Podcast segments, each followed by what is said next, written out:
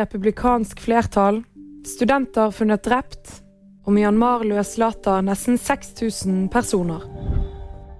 Republikanerne får som ventet flertall i Representantenes hus i Kongressen i USA. Med 218 seter mot demokratenes 210 blir det vanskeligere for president Joe Biden å få gjennomslag for sin politikk de to neste årene.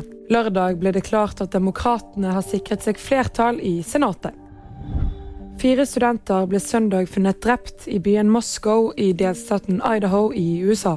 De studerte ved universitetet i Idaho og ble funnet i en bolig i et område hvor mange studenter bor. Ofrene er 20 og 21 år gamle, og lokalbefolkningen bes om å være på vakt. We do not have a suspect at this time, and that individual is still out there. Militærjuntaen i Myanmar skal torsdag løslate nesten 6000 personer. Det opplyser en høytstående tjenestemann til AFP.